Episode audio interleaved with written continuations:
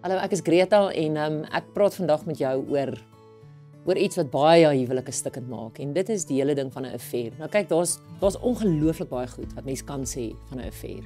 En ek het so baie ek het so min tyd. Die groot vraag is kan 'n huwelik werk as daar 'n affair was? En ehm um, hoe vertrou ek weer my maat?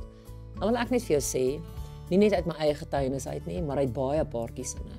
Daar is lewe na oorspel. Daar's daar's ehm um, daar's baie joy wat kan kom, maar dan is daar 'n paar goeters wat in plek moet wees. Want dit dit is 'n moeilike pad. Dis nie 'n maklike pad nie, maar is 'n pad wat kan werk.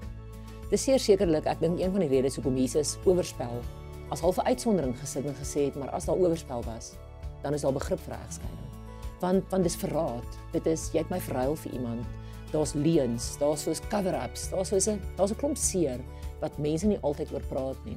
Nou ons gaan nie vandag daaroor praat nie. Wat wel vir my belangrik is, is die heel eerste ding wanneer ons ehm um, wanneer ons praat oor 'n affair is ehm um, die feit dat die mate van berou, hoor mooi, die mate van berou bepaal die mate van vergifnis.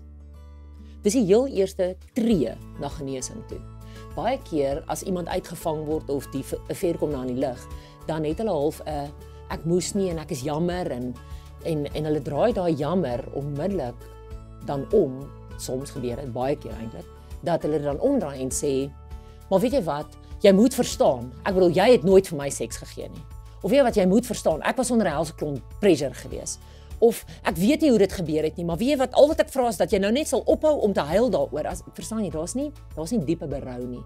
Jy die mate van berou as jy reg word breek en jy besef regtig waar wat jy aan jou maat gedoen het as jy daai skoen letterlik aan jou voet sit en jy besef jy het seks gehad met iemand anders, hoe gaan dit vir jou voel as jou maat seks gehad het met iemand anders? Letterlik in iemand anders se oë gekyk het. Dan begin jy so klein bietjie van hulle seer te verstaan en dan kom jy by 'n punt van absolute berou. En dan die oomblik waar daar ware berou is, kom daar makliker ware vergifnis. En dan is die volgende belangrike ding, is die oomblik wat ons nou die waarheid aan die lig bring en hierdie affair kom na vore. Julle as ons regtig waar wil werk aan ons huwelike, we need a clean slate. En dit beteken jy het nie meer kontak op enige manier met die ander persoon. Jy verbreek alle kontak. Want dis die ding wat baie keer huwelike stukkend maak. Is hulle sê Greta, weet jy wat, my man het nou die verhouding verbreek. Maar weet jy wat, ek het nou agtergekom hy het nou nou eendag gebel net om te hoor of hy alright. Ehm um, Greta, weet jy wat, ek het nou eendag gesien jy het vir iets geskryf op Facebook of wat ook al. Die oomblik wat daar weer kontak is, dan sit jy daai seer en die wantroue weer op jou maat se skoot. So dit moet 'n absolute clean slate wees. As dit iemand is by jou werkplek, dan is dit inderdaad moeiliker. Dan kan jy en jou vrou, jy en jou man, kan na die persoon toe gaan en sê, "Weet jy wat? Ek staan vandag hier voor jou. Ek vergewe jou. Ek spreek jou vry. Maar ek klim vandag my huwelik terug." En dit beteken dat van nou af is julle kollegas van mekaar. En julle dan leef jy dit so by jou werkplek. Dit is baie moeilik as daar die hele tyd kontak is om vertroue te herstel. Wanneer daar 'n affair is, moet jy 'n pad van waarheid loop en dit beteken daar's eintlik nooit privaatheid in 'n huwelik. Daar's nooit geheime nie, maar jy dan moet jy absoluut 'n pad van eerbaarheid en eerlikheid stap. Dit beteken jy het nie meer 'n paswoord op jou foon nie. En as jy eene het, moet jou maat hom ken. Jy as jy praat op jou foon en sy kom ingestap of hy kom ingestap, dan moet jy sê ek nou met so en so gepraat. Wees oop, wees eerlik. En en dan is dit ook belangrik dat as jy jou maat se vertroue weer wil wen, moet jy weet, my man sê altyd dit so mooi. Jy het jou bed opgemaak. Jy moet slaap in hom. En dit beteken die harde werk van herstel kom van jou kant af. Jy moet dubbel so hard werk om hierdie verhouding weer op die plek te kry waar jy jou maat se hart van voor af kan wen.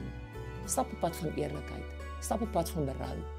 En ek kan jou vandag regtig uit eie ondervinding sê dat hierdie pad is wat lank vat. Dis nie 'n pad wat jy net oornag ehm um, oorkom en en kumbaya sing en daar gaan jy aan nie. Dit bly 'n seerpad. Maar as jy hierdie pad eind uit kan loop, beloof ek jou, jy het iets in jou huwelik wat stormsterk is. Jy het 'n stuk deernis want julle het mekaar gekies. Jy het nie nodig gehad om mekaar te kies nie.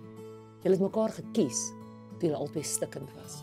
So op die einde van die dag word julle deel van mekaar se genesing en dit maak 'n baie sterk huwelik. Daar is lewe daarna.